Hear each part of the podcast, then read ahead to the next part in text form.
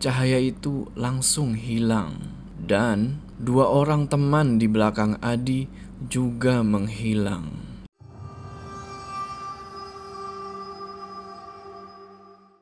Assalamualaikum teman-teman, balik lagi sama gue. Eh, salah ya? Oh salah, kameranya di situ. Assalamualaikum teman-teman. Balik lagi sama gue Jojo Jojo Jojo Jojo Jojo Jojo Piye kue kabare ape ape wae to? Semoga yang menonton video ini selalu diberikan kesehatan Dilancarkan rezekinya dan dimudahkan segala urusannya. Kita kembali lagi di pendakian horormu Di mana di segmen ini gue akan menceritakan kisah-kisah horor pendakian yang bersumber dari kalian dan di cerita kali ini gue akan menceritakan tentang pendakian yang dilakukan oleh seseorang yang bernama sebut saja Adi di mana dia mendaki ke Gunung Muria, Jawa Tengah. Ini adalah kali kedua Adi melakukan pendakian ke gunung itu. Kalau waktu lalu dia sampai ke puncak 29, sekarang ia mengincar puncak Abioso. Tapi sesuatu terjadi. Simak video ini sampai habis. Sebelum kita mulai, jangan lupa apa? Jangan lupa, jangan lupa like video ini dan bagi yang belum subscribe, subscribe ke channel ini sekarang supaya kalian gak ketinggalan cerita horor selanjutnya. Bagi yang punya cerita horor pendakian dan ingin ceritanya gue bikinin video kayak gini, kirim cerita kalian ke email di bawah ini. Udah siap ya? Cerita ini terjadi sekitar tahun 2017. Hari itu hari Sabtu, sore, sekitar jam 4. Ari dan temannya Ilun berencana untuk begadang malam itu. Tapi tiba-tiba ada pesan masuk dari temannya Adi yang bernama Yusril. Yusril di situ mengajak mereka untuk ke puncak Abioso Gunung Muria. Akhirnya diskusilah Adi dengan Ilun. Mereka berpikir, daripada nggak ngapa-ngapain di rumah, mereka pun setuju untuk ikut naik.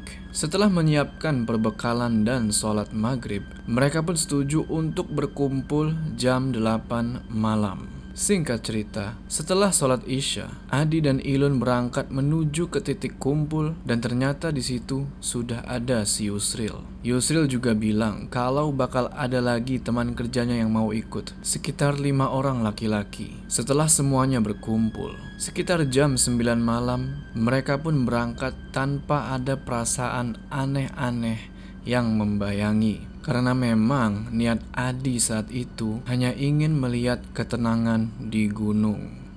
Dari titik kumpul menuju ke tempat start pendakian memerlukan waktu kurang lebih 45 sampai 60 menit dengan menggunakan motor. Tiba-tiba baru 10 menit berjalan, salah satu ban motor mereka ada yang bocor. Untungnya, di sekitar situ masih ada tambal ban yang buka. Sambil menunggu ban motor selesai, mereka menyempatkan untuk ngopi dulu. Dan entah disengaja atau tidak, tiba-tiba Ilun nyeletuk. Eh, kira-kira bakal ada apa aja ya di sana? Sontak Adi kaget dan dia menjawab, pohon sama batu buat nyumpel mulutmu. Adi bilang begitu karena ia tahu kalau yang dimaksud Ilun ada apa aja itu adalah lelembut. Setelah ban motor selesai, mereka pun melanjutkan perjalanan. Mereka tiba di titik awal pendakian sekitar jam 10 malam. Saat mereka memulai pendakian, cuaca saat itu cerah dengan bintang yang menaburi langit. Mereka pun semakin antusias untuk mendaki. Dari titik awal menuju ke pos 1, masih biasa saja dan jalur masih agak landai. Dari pos 1 ke pos 2, jalur mulai berkelok-kelok, naik turun. Entah kenapa nafas dan tubuhnya Adi terasa berat. Sesampainya di pos 2, mereka pun istirahat sebentar. Di pos 2 itu ada sungai kecil. Adi pun menyempatkan untuk membasuh muka agar tidak ngantuk. Setelah selesai istirahat, mereka melanjutkan perjalanan. Perjalanan dari pos 2 ke pos 3 inilah yang banyak menguras akal dan tenaga Karena tidak berapa lama mereka jalan dari pos 2 Tiba-tiba langit menjadi mendung diiringi angin dan kilat Tanda-tanda mau hujan Sontak mereka panik karena kebanyakan dari mereka tidak membawa jas hujan tapi mereka mencoba untuk positive thinking. Mungkin mendung itu hanya numpang lewat saja. Dan benar, Tidak lama kemudian, cuaca menjadi cerah kembali.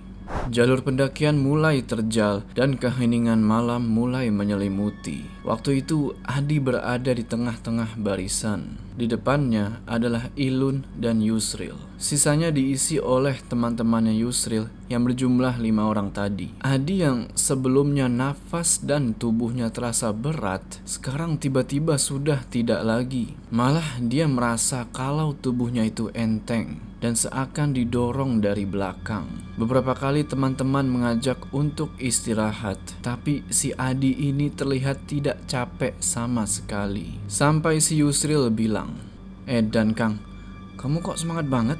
Nggak capek apa?" "Enggak nih, mungkin gara-gara cuci muka tadi di pos 2." Perjalanan pun kembali dilanjutkan. Sampai di mana mereka mendaki, belum terlihat ada pendaki lain yang mau naik ataupun turun. Setelah berjalan cukup lama, Adi melihat jam di HP-nya. Waktu saat itu menunjukkan pukul 11.30 malam. Tiba-tiba, Ilun bertanya dengan nada tinggi. Oi, ini masih lama gak sih? Salah satu dari rombongan itu menjawab, Belum, nyampe pos 3 aja belum setengah jalan. Di situ Ilun langsung mengumpat dengan kata-kata yang tidak pantas. Seketika Adi kaget dan langsung memberikan isyarat untuk diam kepada Ilun. Yusril yang dari tadi memperhatikan Adi dari pos 2 bertanya sambil berbisik. Kenapa diam terus Kang? Sakit atau kenapa? Tadi semangat gitu? Gak apa-apa, lagi pengen menghayati malam ini. Gak mungkin, Orang dari tadi kamu celingak-celinguk ke atas sama ke belakang kok. Nggak ada apa-apa kok, santai aja. Sebenarnya Adi ingin menceritakan apa yang ia lihat kepada Yusril, tapi ia tidak ingin membuat mental teman-temannya menjadi down. Karena dari pos 2, Adi sering melihat cahaya terbang dari samping ke belakang, terus ke atas, lalu menghilang. Sebelumnya, ia kira itu adalah kunang-kunang atau senter pendaki lain. Tapi logikanya tidak bisa menerima. Mana ada kunang-kunang sebesar kepalan tangan. Dan juga ingat, mereka sama sekali belum bertemu dengan pendaki lain. Jadi mustahil kalau cahaya itu berasal dari senter pendaki lain. Lanjut perjalanan. Tiba-tiba muncul lagi cahaya terbang itu dan kali ini cahaya itu berwarna hijau. Ketika Adi menoleh ke belakang, cahaya itu langsung hilang. Dan dua orang teman di belakang Adi juga menghilang. Adi yang panik di situ langsung meminta kepada teman-teman yang ada di depan untuk break dan bilang kalau ada yang ketinggalan di belakang. Benar saja, setelah Adi dan Yusril mencari dua orang teman yang hilang itu, mereka melihat muka dua orang itu terlihat sangat capek karena seperti telah membawa beban yang berat. Padahal mereka cuma bawa backpack yang isinya itu makanan dan air minum. Adi bertanya-tanya, kenapa nih orang? Dalam hati ia berdoa supaya mereka tidak diganggu makhluk-makhluk halus.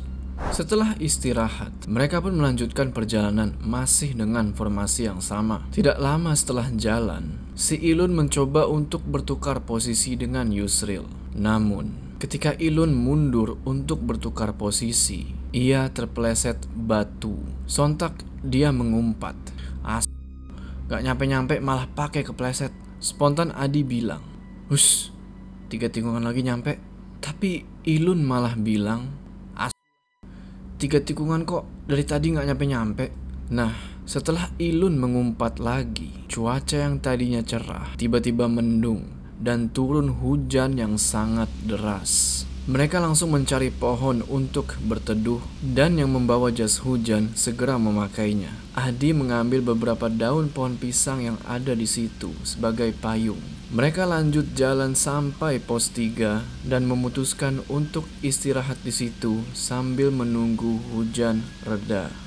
Setelah menunggu cukup lama, mereka mulai lagi perjalanan. Waktu di situ sudah menunjukkan pukul 12.45 malam. Selama perjalanan ke pos 4, Adi bilang ke Ilun agar jaga mulut kalau ngomong. Ilun pun akhirnya tidak berbicara sama sekali sampai pos 4. Mungkin dia kapok. Singkat cerita, akhirnya mereka sampai di pos 4. Di situ ada sendang. Sendang itu kayak mata air yang membentuk kolam kecil. Mereka pun mengisi air minum dan mencuci muka. Ketika sedang istirahat sambil merokok dan ngemil, tiba-tiba ada sekelebatan dari arah sendang itu. Adi yang waktu itu sebenarnya penakut, tidak tahu kenapa memberanikan diri untuk berjalan ke sendang itu. Pas sampai di sendang, ia tidak menemukan apa-apa. Karena tidak menemukan apa-apa, ia memutuskan untuk kembali ke teman-temannya. Ketika hendak kembali, Adi sempat menoleh ke arah kiri. Adi di situ melihat kalau ada sepasang mata. Dia pikir itu mata binatang. Ia memutuskan untuk tidak jadi balik dan langsung mengeluarkan pisau untuk jaga-jaga kalau-kalau itu adalah binatang buas. Tiba-tiba muncul sosok seorang wanita dari semak-semak dekat sendang. Pakaiannya seperti zaman kerajaan dulu dengan kemben dan selendang berwarna hijau. Adi saat itu langsung diam membeku karena takut. Sosok itu melihat tepat ke arahnya. Rambutnya terurai, wajahnya bersih, senyumannya lembut. Tangannya memberikan isyarat seolah-olah menyuruh Adi untuk pergi. Dan benar saja, tiba-tiba terdengar suara teman-teman Adi yang memanggilnya untuk melanjutkan perjalanan. Perjalanan pun berlanjut. Adi masih saja memikirkan sosok wanita itu. Ia berpikir mungkin itu hanya halusinasi. Di perjalanan, tiba-tiba Yusril bilang kalau pos 4 itu adalah pos terakhir. Dalam hati Adi bilang, akhirnya sebentar lagi. Saat itu pakaian Adi basah kuyup. Tapi anehnya, ia tidak merasa kalau pakaiannya itu basah kuyup sejak dari pos 3 tadi. Temannya ada yang bilang kalau bibirnya Adi itu terlihat biru, seperti orang yang kena hipotermia. Tapi kenyataannya, ia merasa tidak kedinginan sama sekali. Semua fungsi tubuh dan indranya normal. Dalam hati dia bilang, Makin aneh aja ini. Akhirnya mereka tiba di puncak sekitar jam 2 tengah malam. Mereka pun merasa lega di situ. Langsung beberapa dari mereka ada yang mencari tempat untuk istirahat, ada yang mencari kamar mandi. Jadi di puncaknya itu kayak ada bangunan gitu dan ada lengkap ada musola, ada kamar mandi. Di puncak itu sudah ada beberapa pendaki yang sampai duluan sore tadi. Pantas pas pendakian tadi sepi, karena para pendaki memilih untuk mendaki di saat masih ada sinar matahari. Teman-teman pun beristirahat di bangunan yang diperuntukkan bagi para peziarah yang ingin menunaikan hajatnya. Jadi mereka ini nggak bawa tenda ya. Di sisi lain, Adi memutuskan untuk sholat tahajud. Anehnya, ketika ia mengambil air wudhu, airnya tidak berasa dingin sama sekali. Dan pas sholat itu, tiba-tiba angin kencang menghantam genteng musola. Bahkan ada suara lemparan batu ia berpikir mungkin teman-temannya pada usil, jadi ia hiraukan. Selesai sholat, ia keluar. Seketika angin bertiup sepoi-sepoi dan tidak ada orang yang lalu lalang. Jadi siapa yang melempar batu tadi? Entahlah. Malam itu Adi sempat berpikiran untuk tidak tidur. Ia pun memutuskan untuk pergi ke sebuah warung yang memang ada di situ untuk melayani para pendaki yang bermalam. Langsung dia memesan kopi hitam dan menyalakan rokok. Ada sekelompok pendaki yang baru sampai juga. Mereka mendirikan tenda di tempat khusus camping. Waktu subuh sudah dekat. Adi pun mengambil wudhu dan bersiap-siap untuk melaksanakan sholat subuh. Sebelum sholat, Adi membangunkan teman-temannya karena katanya mereka mau melihat sunrise di jalur naga. Setelah membangunkan teman-temannya, ia pun bilang dalam hati, Aku cuma mau beribadah, gak macem-macem. Jadi jangan bikin yang macem-macem juga. Selama sholat subuh, tidak ada gangguan. Sehabis sholat, Adi berencana untuk ngopi lagi. Tapi, di situ ia merasa sangat ngantuk. Sampai-sampai tertidur pada saat masih bersila. Nah, di dalam tidurnya, Adi bermimpi kalau ia bertemu lagi dengan sosok wanita yang dilihatnya di pos 4. Dan kali ini, Wanita itu menggeleng-gelengkan kepalanya dengan raut wajah khawatir dan ketakutan, seakan-akan ada hal buruk yang akan terjadi. Ketika Adi hendak bertanya kepada wanita itu, tiba-tiba hentakan keras membangunkannya. Ternyata itu adalah Yusril yang mengajaknya untuk pergi melihat sunrise. Saat ganti pakaian, merapikan barang-barang, dan siap-siap berangkat, Adi masih kepikiran tentang maksud wanita tadi. Dan tiba-tiba hujan deras turun lagi. Dalam hati Adi bilang, Wah, kalau berangkat udah pasti basah kuyup ini. Mungkin itu pesan yang ingin disampaikan oleh wanita itu, tapi tidak hanya itu. Terdengar suara orang-orang yang berlarian dari luar bangunan. Ternyata suara itu berasal dari para pendaki yang tadi malam sampai. Mereka bercerita kalau sebelum hujan tadi, mereka semua pergi ke jalur naga. Saat mereka hampir sampai di jalur naga, mereka melihat kalau jalur naga itu longsor. Bisa jadi itu adalah pesan lain dari wanita yang ada di mimpi Adi. Kalau Adi dan teman-temannya pergi melewati jalur naga itu dan jalur itu longsor, kecil kemungkinan mereka akan selamat. Akhirnya rencana untuk melihat sunrise di jalur naga pun batal. Mereka pun memutuskan untuk menunggu hujan reda. Setelah hujan reda, mereka turun gunung dan pulang ke rumah masing-masing. Selama perjalanan pulang, tidak ada lagi kejadian yang aneh-aneh.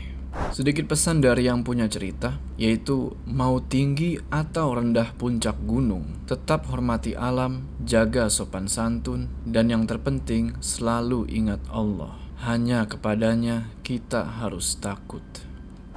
Oke teman-teman, gimana tuh tadi ceritanya? Oh ya, gue punya sedikit ini juga ya, sedikit pesan kepada kita semua pendaki itu kalau di gunung jangan mengeluh karena kalau kita mengeluh ya kemungkinan akan terjadi hal yang tidak baik. Ingat, bagi yang ingin cerita horor pendakiannya, gue bikinin video kayak gini, kirim cerita kalian ke email di bawah ini. Jangan lupa like video ini dan bagi yang belum subscribe gue ingatkan sekali lagi subscribe ke channel ini sekarang supaya kalian gak ketinggalan cerita-cerita horor pendakian selanjutnya. Gua Jo, sampai ketemu di cerita selanjutnya.